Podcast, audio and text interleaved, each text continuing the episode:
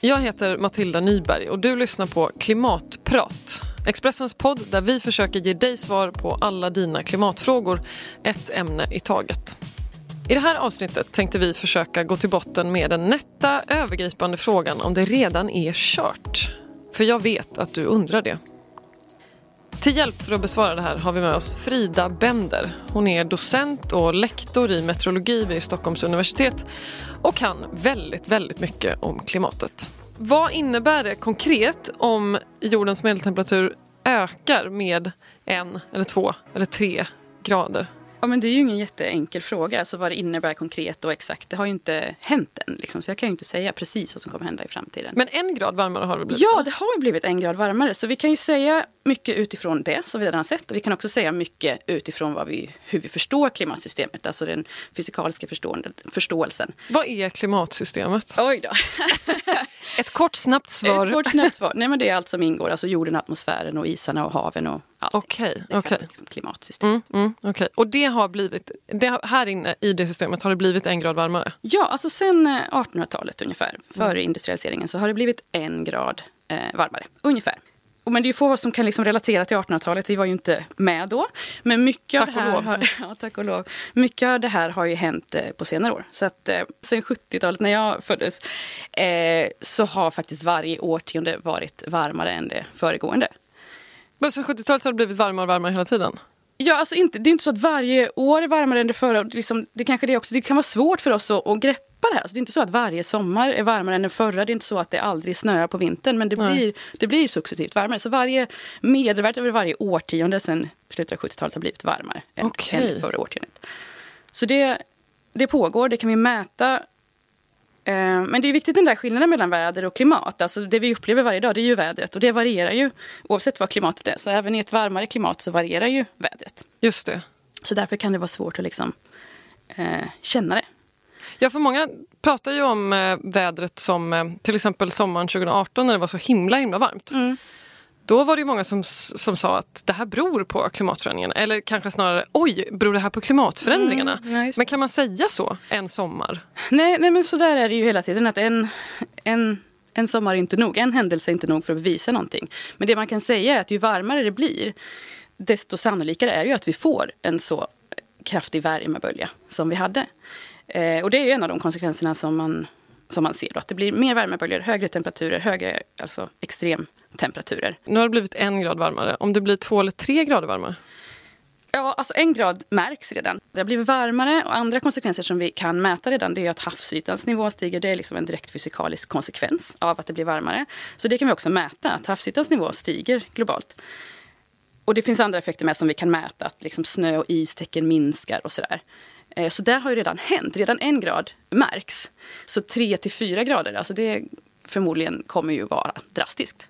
Kan man säga någonting om vad det blir för konsekvenser för människorna på den här planeten om till exempel havsnivåerna stiger med ett antal decimeter om det blir två grader varmare?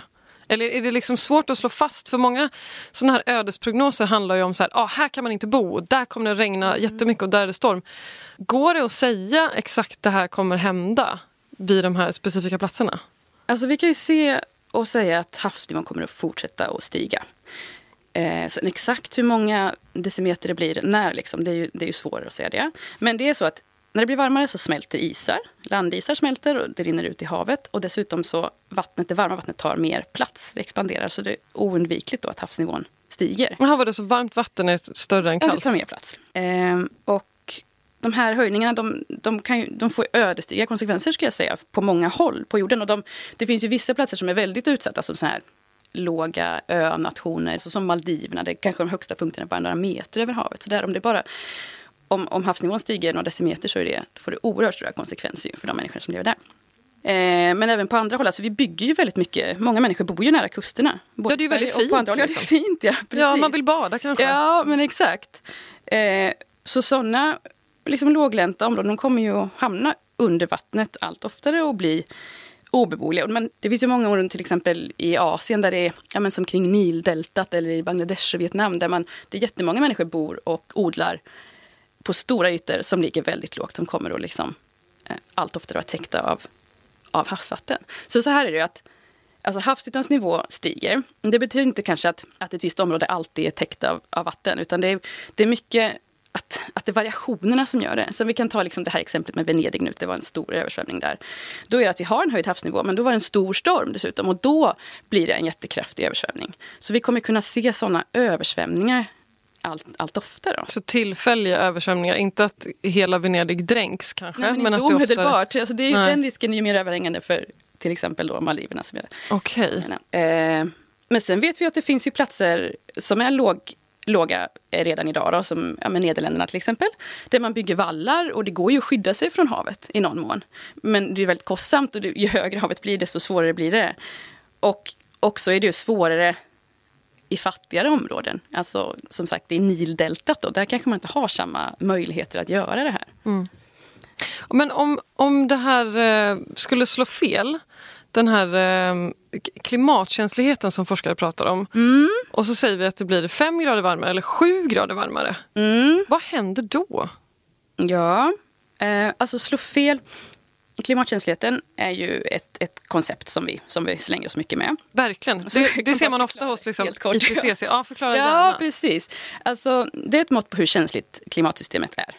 Ehm, för, för yttre påverkan. Så vi brukar titta på om vi dubblade koldioxidhalten, hur varmt skulle det bli då? Det, det är ett mått på klimatkänsligheten. Okay. Och vi tror att den är ungefär 3 grader men det finns en osäkerhet. Så det skulle kunna vara ända ner till 1,5 eller upp till 4,5. Det kan vi inte riktigt säga. Så klimatkänsligheten är hur känsligt klimatsystemet är för en fördubbling av koldioxid? Ja, hur mycket varmare blir det om vi dubblar koldioxidhalten? Okay. Även om klimatkänsligheten är kanske 3 grader så skulle det kunna bli uppåt 5 eller ännu mer grader varmare om vi fortsätter släppa ut som vi gör. Det handlar om liksom vad vi gör. Så det scenariot som vi följer, det är det som avgör hur varmt i slutändan är. För att koldioxidhaltens ökning, det behöver ju inte sluta vid en fördubbling. Den kan ju fortsätta liksom. Så det, det behövs inte att vi har fel för att det ska bli fem grader varmare. Det skulle kunna också vara så att, att klimatkänsligheten inte är jättestor. Den kanske är tre grader, men vi fortsätter släppa ut och släppa ut. Då, då står vi där ändå.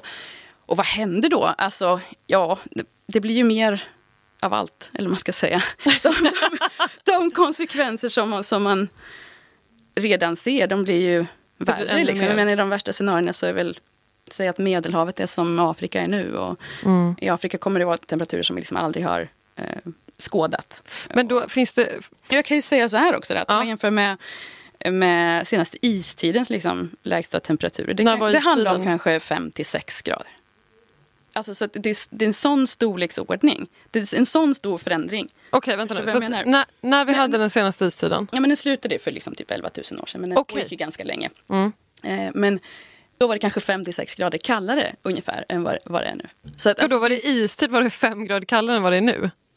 Ja, men då är ju 5 grader varmare en enorm skillnad. Ja. Men också pratat om att eh, klimatförändringarna går så pass långt. Jag brukar prata om eh, det som kallas för tipping points. Äh. Alltså att man kommer över någon slags tröskel. Och att det då inte går att gå tillbaka så att säga. Vad, vad, vad betyder det där egentligen? Ja, eh, det är lite grann, lite grann två saker. Alltså det finns ju irreversibla processer. Att vi ändrar på någonting så går det inte att gå tillbaka. Och i någon mån så är ju uppvärmningen en irreversibel process över liksom, överskådlig tid. För att den uppvärmning som vi orsakar nu, den kommer ju att bestå. Liksom. Vi, vi blir inte av med den. Okej, okay, det blir den, inte svalare sen? För att nej, bara för att vi slutar släppa ut koldioxid så går inte temperaturen ner. Också, utan det handlar om att vi ska kunna stabilisera temperaturen. Det är det vi liksom är, är ute efter. Mm. Eh, men så pratar man ju om, om tipping points. Eh, och det handlar ju om att det liksom inte behöver vara linjärt, att liksom för varje grad så ändras det så här mycket havsnivå. Eller så, utan det kan finnas icke-linjära effekter. Att plötsligt så smälte en stor landismassa och då höjdes temperaturen, eller höjdes havsytan väldigt kraftigt. Typ Grönland? Typ Grönland eller typ eh, delar av Antarktis eller så. Okej. Ja, just det, det går inte att putta tillbaka det Nej, nej det går inte att putta tillbaka. Precis, och då får det en väldigt kraftig effekt. Liksom. Mm. Eller man kan eh, ja, men om tundran tinar i Sibirien så släpps det ut en massa metan. Och då, det är inte så att det kommer frysa tillbaka igen. Liksom, och då, det är dessutom så att det ytterligare förstärker växthuseffekten för att metan är en, en växthusgas. Då. Eh, så det är en positiv återkoppling. Är det det som är det värsta med klimatförändringarna, att det inte går att ta tillbaka?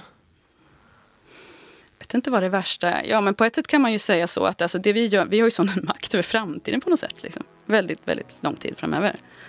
Att eh, det kommer hända massa saker. förknippat med väldigt mycket risker och vi liksom, ja det är vi som, det är vi som gör det. Mm. Det går inte att bara dra tillbaka. Nej, så vi bestämmer hur det ska bli? Ja.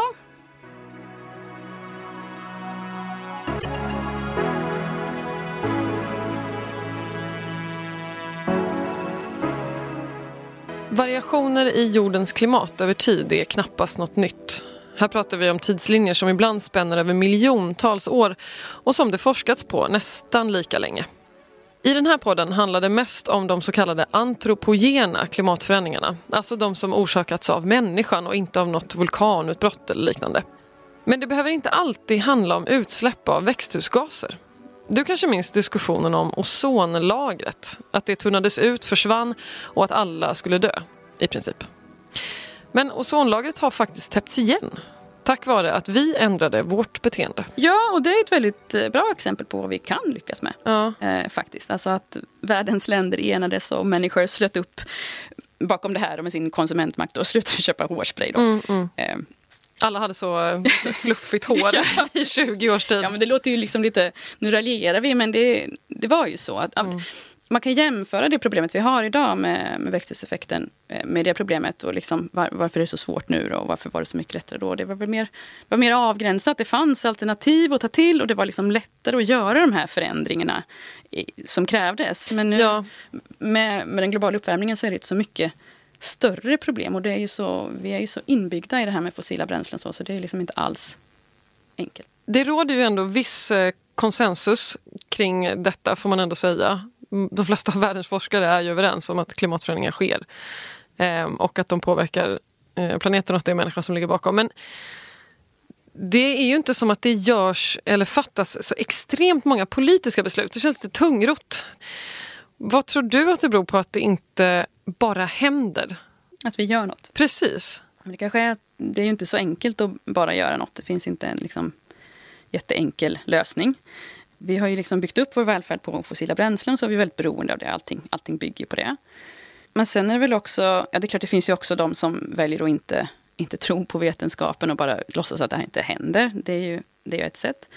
Och må, eh, vissa länder är ju å andra sidan väldigt utsatta då för förändringar och liksom ser redan nu väldigt allvarliga konsekvenser. Men ja, alltså, olika länder har olika förutsättningar. Några är fattiga och behöver liksom utvecklas. Ska vi då som är rika, har blivit rika genom fossila bränslen, om man ska säga, ska vi, ska vi hjälpa dem eller ska de behöva stå tillbaka lika mycket? Eller vem, vem, ska, Vem ska göra vad? vem ska göra vad? Liksom? Det är svårt att komma överens. Och det är ju faktiskt så att konsekvenserna är, är svårast i de fattiga som faktiskt inte har bidragit. Men tycker Eh, du att det arbetet man gör i till exempel FN då med IPCC, tycker du att det puttar frågan i rätt riktning så att säga? Eller är det bara att man står och stampar? Som det ändå kan upplevas som ibland ju. Det står och stampar. Ja, ja men man, man skulle ju önska att det gick att göra mer. Men det är ju svårt när det tydligen då, när det är många länder som, som måste komma överens. Alltså det är svårt på många sätt. Det är ju liksom det här att alltså det är en global fråga. Så det vi gör här det ser ju vi kanske inte konsekvenserna av här, utan det kanske syns någon annanstans. Och på samma sätt, de som drabbas kanske inte de som liksom har Har orsakat, orsakat det, mest. och så. Och också den här tidsaspekten gör att det blir knepigt också. Det är väl det som gör att man kanske... Det finns fortfarande de som, som låtsas att det inte händer. Att man liksom kan säga att eftersom vi inte ser allting än så, äh, det är nog ingen fara. Men då glömmer man ju den väldigt viktiga aspekten att det finns liksom en, en fördröjning i det hela. Att det som vi, har, det som vi gör nu, det, det består. Liksom. Så uppvärmning är beroende av allt som vi har gjort hittills. Så för varje år vi väntar med att minska utsläppen så blir det värre. Men man ska komma ihåg det att man satt upp det där målet om två grader och man har också visat IPCC har gjort liksom specialrapporter som har jämfört 1,5 och 2 grader och sett att ja, men 2 grader är väldigt mycket värre än 1,5 så vi ska verkligen försöka. Liksom. Eh, men det, alltså det är väldigt svårt. Alla de scenarierna som vi kan skapa som, som klarar 1,5 grader de kräver ju att utsläppen går ner till noll liksom, nu typ och att vi har negativa utsläpp liksom, för, att, för att stabilisera. Men det man ska komma ihåg tycker jag att det, det är liksom inte så att vi vet att ja, men blir det två grader då är det kört. Liksom. Det är inte så att det finns inte en sån, en sån punkt utan allt vi gör är bra. All, alla minskningar är bra, allt vi gör har effekt. Så ju mer vi kan göra desto bättre. Så ju varmare det blir desto sämre men ju mer vi gör för att förhindra det desto bättre. Eh, Men jag svarar fortfarande inte på din fråga där om politikerna. Jag, jag, jag vet inte. Det, det är svårt. Många olika intressen från, från olika länder antar jag. Och, och att det liksom inte finns några bra lösningar. Det finns ju inga enkla alternativ. Nej, just det. Eh, nu är det så att alltså det, det, går bra med för förnybara bränslen som sol och vindenergi. Det, det, går framåt där och det är ju bra. Men vi är liksom inte framme vid att kunna ersätta våra fossila bränslen. Nej, man skulle önska att det fanns en knapp man bara kunde trycka på. Ja, ja men det hade ju varit bra. Eh, men, men, det är så stora förändringar som ska till att det, att det blir svårt. Mm. Kan man eh, veta redan nu om det händer vilka delar av världen som kommer hamna under vatten? Om några. Ja, men det är liksom inte så att en, en global medel havsnivåhöjning kommer inte få samma... Den fördelar sig inte jämnt över världshaven. Liksom. Så, så det kan man ju räkna på. Och sen är det ju så att... Ja, det är klart att låglänta länder eh, ligger risigt till. Liksom. Eh, till exempel då, önationer i, i tropiska haven som ligger väldigt lågt. De kan ju faktiskt hamna under vatten. Sen är det många områden som, som kommer drabbas mycket mer av översvämningar som kanske inte liksom kommer vara permanent under vatten men kommer drabbas av översvämningar mycket mer frekvent för att havsnivån är, är högre. Eh, så jag kan inte liksom göra en karta över vilka områden som kommer vara under vatten när. Men, men ja, landytor försvinner ju liksom när havet stiger. Så är det ju. Hur är det med Skåne? Hur är det med Skåne? alltså, jag som själv är från Lund ja, blir lite nervös. Mm. Kommer det finnas kvar? ja.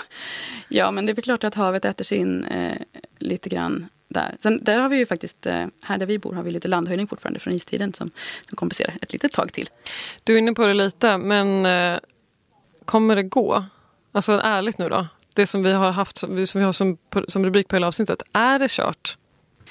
Är det kört? Nej, men jag tror det är viktigt att komma ihåg att det är ju inte vi har satt upp ett mål. Om vi inte når det målet, om vi slår över en och en halv grad, det betyder inte att det är kört, att vi liksom, jorden går under den dagen. Så är det inte. Så på så sätt är det inte kört. Sen kan det ju vara så att det, det är väldigt, väldigt svårt att klara 1,5 grader.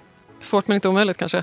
Det, vi har fortfarande lite tid att, liksom, att det är fortfarande tekniskt möjligt att, eh, alltså teoretiskt möjligt att mm. göra det.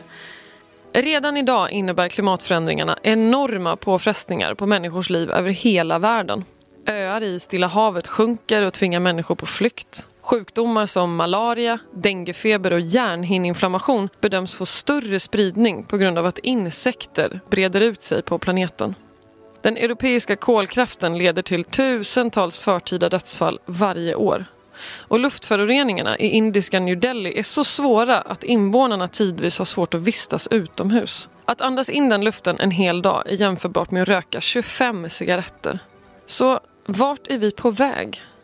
Åt rätt håll? Nej, men det går ju inte i rätt riktning just nu. Alltså, koldioxidhalten ökar ju eh, och det är inte den rätta riktningen. Men, men saker som är bra är ju att vi har internationella avtal. Vi har Parisavtalet och länder gör åtaganden för att minska sina utsläpp. Och det finns mål på att vi vill inte nå mer än 1,5 grads uppvärmning.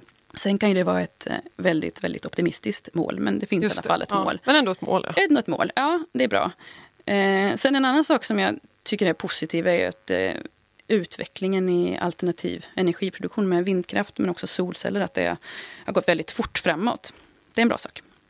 Eh, och sen en tredje bra sak tycker jag är det här att eh, ungdomar världen över är ute på gatorna och säger att nej men det här, det här går inte, nu måste någonting hända. Mm. Eh, jag vet att de inte vill att jag ska säga att det ger mig hopp, men jag tycker ändå att det är hoppingivande. Eh, för det är, så, det är en stor, stor fråga det handlar om. Det räcker inte med mitt engagemang eller ditt engagemang. Det krävs stora politiska beslut och då, för att det ska kunna gå så behövs det ju att politikerna vet att folk, folk är med. Liksom. Att just ungdomarna som är liksom framtiden, de generationer som kommer drabbas mer än vi, att de säger nej, det här vill vi inte mer.